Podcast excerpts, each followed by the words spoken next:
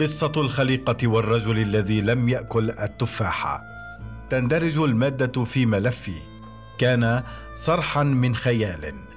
لعبة التاريخ البديل.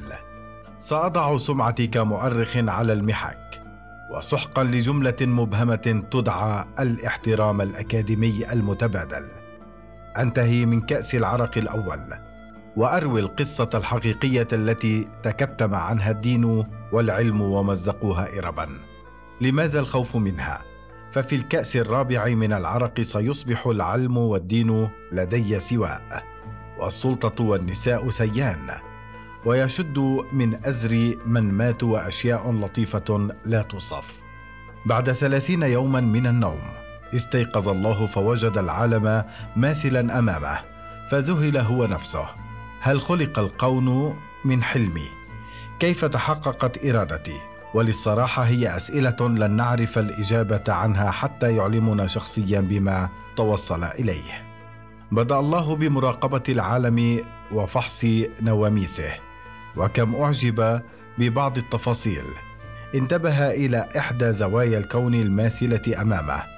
فهي مرتبة بشكل منسجم يقترب من عفو الطبيعة ولكنه ليس عفو الطبيعة. كما اعتبر بعض تفاصيلها محض المصادفة معجزة. فثمة قطعة من الأرض تهذبت بريتها من الوحشية والحيوانات فيها ترعى بسلام لافت فذهل للمرة الثانية. سأضع سمعتي كمؤرخ على المحك. وسحقا لجملة مبهمة تدعى الاحترام الأكاديمي المتبادل.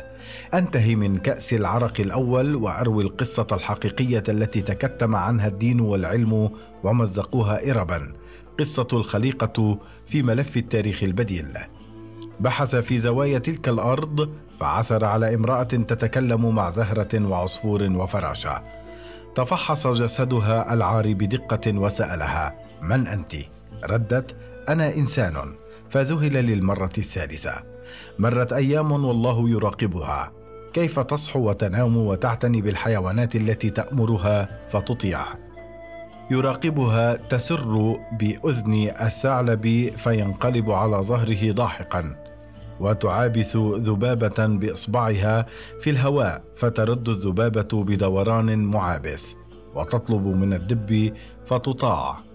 بعد هذه المراقبة والتدقيق في هذه التفاصيل وجسدها العار وأشياء أخرى قرر الله أن يخلق مما يتمم به هذا العالم ولكنه قرر أن يخلق بدون أن ينام. بدأ الله بمراقبة العالم وفحص نواميسه. وكم أعجب ببعض التفاصيل. بحث في زوايا تلك الأرض فعثر على امرأة تتكلم مع زهرة وعصفور وفراشه تفحص جسدها العار بدقة وسألها من أنت؟ ردت أنا إنسان فذهل. نادى الإنسان وطلب منها بتهذيب أن تعيره أحد أضلاعها ليخلق منها إنسانا آخر. فضحكت الإنسان وقالت الطبيعة كلها أمامك وتريد أن تخلق مني؟ وفعلا بعد أيام لعددها سمعه هرطوقيه بلون وردي من الصحو الخلاق. أمسك الله قليلا من الطين وحده يعلم من أين ورماه إلى الأرض بعجل فخلق الرجل. ومنذ تلك اللحظة التي خلقه فيها الله ركض الرجل إلى ورقة شجرة سامة لفها وكأنها سجاره ووضعها في فمه وبدأ بالمضغ. أسرعت الإنسان إليه وخطفتها من يده وأنبته وسط دهشته الشديدة وذهول الله من خلقه وخلق خليقه. بعد ثلاثين يوما من النوم استيقظ الله فوجد العالم ماثلا أمامه فذهل هو نفسه. هل خلق الكون من حلمي كيف تحققت إرادتي؟ بدأت منذ تلك اللحظة متاعب صديقتنا الإنسان فها هو الرجل يركض باتجاه جرف لولا تدخل الفراشة التي لفتت أنظاره فلحقها بعيدا عن الجرف. يلعب الرجل على ضفة النهر ويسقط وسط تيار جارف ويكاد يغرق لولا اندفاع الإنسان وأصدقائها من التماسيح والأسماك. تشعل الإنسان النار ذات عشية باردة فتتحلق الحيوانات حولها بسلام. وحده آدم يرفع غصنا محترقا ويرقد بشكل أهوج صارخا كالمجنون. فيكاد يحرق ذيل الذئب ويضرب سنجابا مسكينا حاول حاول أن يبعده عن الأشجار اليابسة خوفا من كارثة ما. ينقذ الموقف تدخل الإنسان السريع بمساعدة الفيل بخرطومه. يومها كانت المرة الأولى التي ينام فيها الرجل باكيا بعد أن أكل بضع صفعات على قفاه فكانت تجربة الألم الأولى له. أربعة أيام عانت فيها الإنسان من الويل في مطاردة الرجل الشقي لتحميه من الأخطار التي يضع نفسه والآخرين فيها. فتوجهت إلى السماء ونادت أنت الذي في السماء أريد الحديث معك. أطل الله الذي كان يراقب خلال الفترة السابقة كل ما يجري. أخبرته الإنسان بما جرى خلال الأيام الماضية وهي تريد حلا جذريا. لم تجدي محاولات الله معها لجعلها تعتبر الرجل كائنا مسليا. فيبدو أنه الشخص الوحيد الذي كان ضاحكا في الأيام الماضية. فقر الله مليا وأخبر الإنسان بالسر الدفين. هناك على أطراف الغابة التي تهتم بها الإنسان ثمة شجرة تفاح يسقيها الله شخصيا من دموعه ضاحكا أو حزينا.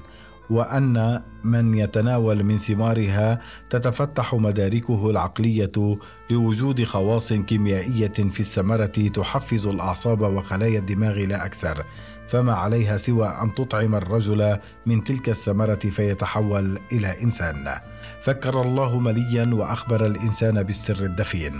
هناك على أطراف الغابة ثمة شجرة تفاح يسقيها الله من دموعه ضاحكا أو حزينا من يتناول من ثمارها تتفتح مداركه العقلية فما عليها سوى أن تطعم الرجل من تلك الثمرة فيتحول إلى إنسان.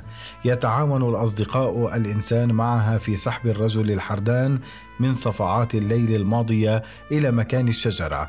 وتبدأ المحاولات العابثة من الإنسان لإقناعه أن يأخذ قضمة من الثمرة وعبثا ذهبت محاولاتها.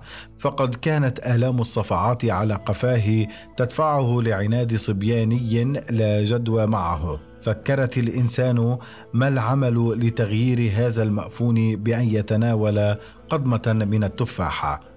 حسن. أخذت التفاحه بيدها وقدمت منها على طريقتها الفوضوية وأبدت مظاهر التلذذ وطقطقة الفم البليدة التي كان يصدرها في العادة عندما يأكل. تبدل وجه الرجل إلى ابتسامة بلهاء نعرفها جميعا ففرحت الإنسان ورقصت الحيوانات طربا. لكن صوتا غاضبا جاء من السماء وقال كلا لماذا أكلت منها أنت؟ ردت حواء ببساطة لأدفعه ليأكل منها. اعترض الله ولكنك ستزدادين ذكاء وسأفقد مكانتي في هذا العالم. ملعونة أنت إلى الأبد. وكأنه تذكر كل شيء فكانت كلمته قاسية للغاية. ستنزلين إلى الأرض ومعك هذا الأبله. وستنجبين منه عقوبة لك اطفالا ذكورا مثله تضج بهم الحياة. ولكن رحمة مني ستنجبين منه إناثا يشبهونك أيضا. سيبقى الشقاء عليك وعلى من يشبهك مؤنثا ويحميك مذكرا. رفعت الإنسان قبضتها غاضبة إلى السماء فزاد الله. ومن يدافع عنك ولو كان بالكلمة. غابت الإنسان عن الوعي كمن يغرق في الماء. استيقظت وحولها الكثير من النساء يتأملنها فسألتهن من أنتن؟ إننا مثلك نساء ومن أنت وما قصتك؟ أخبرتهن أنها إنسان وقصتها مع الرجل الذي لاحظت أنه نائم على الأرض بجانبها. أخبرتها أحدهن أن قصتها جديدة لم يسبق أن سمعنا مثلها من قبل. استغربت الإنسان ألم تكن مثلي هناك وأرسلكن الله من السماء؟ من أين أتيتن اذا إحداهن كانت سابقا تسبح في الماء وأخرى كانت صفير هواء. وبدأت النسوة تقص كل واحدة حكايتها التي ورثتها من إحدى جداتها القديمات فإحداهن كانت سابقا تسبح في الماء وتستغرب المكان الذي تلهو به حتى شاهدت وجه امرأة نظر إليها بكل العيون الحنونة والمحبه والحزينة والمتوحشة وعرفت أنها أكلت من قبل تلك العيون. وهي في بطنها تكبر حتى أصبحت عجوزا وأخبرتها برغبتها الخاصة في الخروج فخرجت إلى الأرض.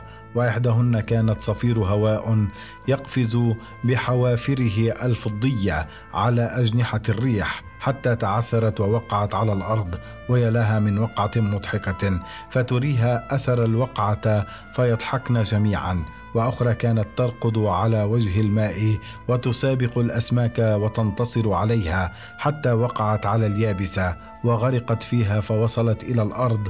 اكتشفت الإنسان أن لكل واحدة قصتها وأنهن لم ينزلن جميعهن مع الرجال.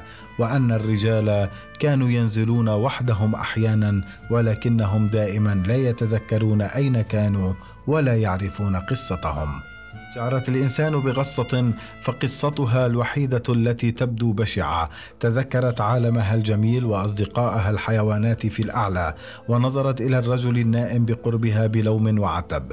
وفجأة صاحت إحداهن جاءت السيدة العظيمة.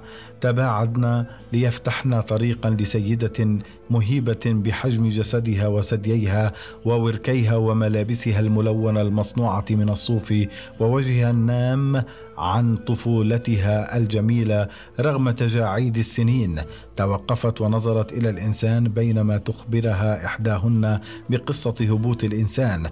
كانت نظرات السيده العظيمه تخترق كل أنفاس الإنسان التي فجأة أحست بالخجل من عريها وطلبت ما تستر به نفسها. قالت السيدة العظيمة مبتسمة كنت ماء مالحا وعذبا أسبح وأرقص نفسي في مزيجي. اشتدت رقصتي فتباعدت نفساي العذبة والمالحة. فعرفتهما أمي وأبي.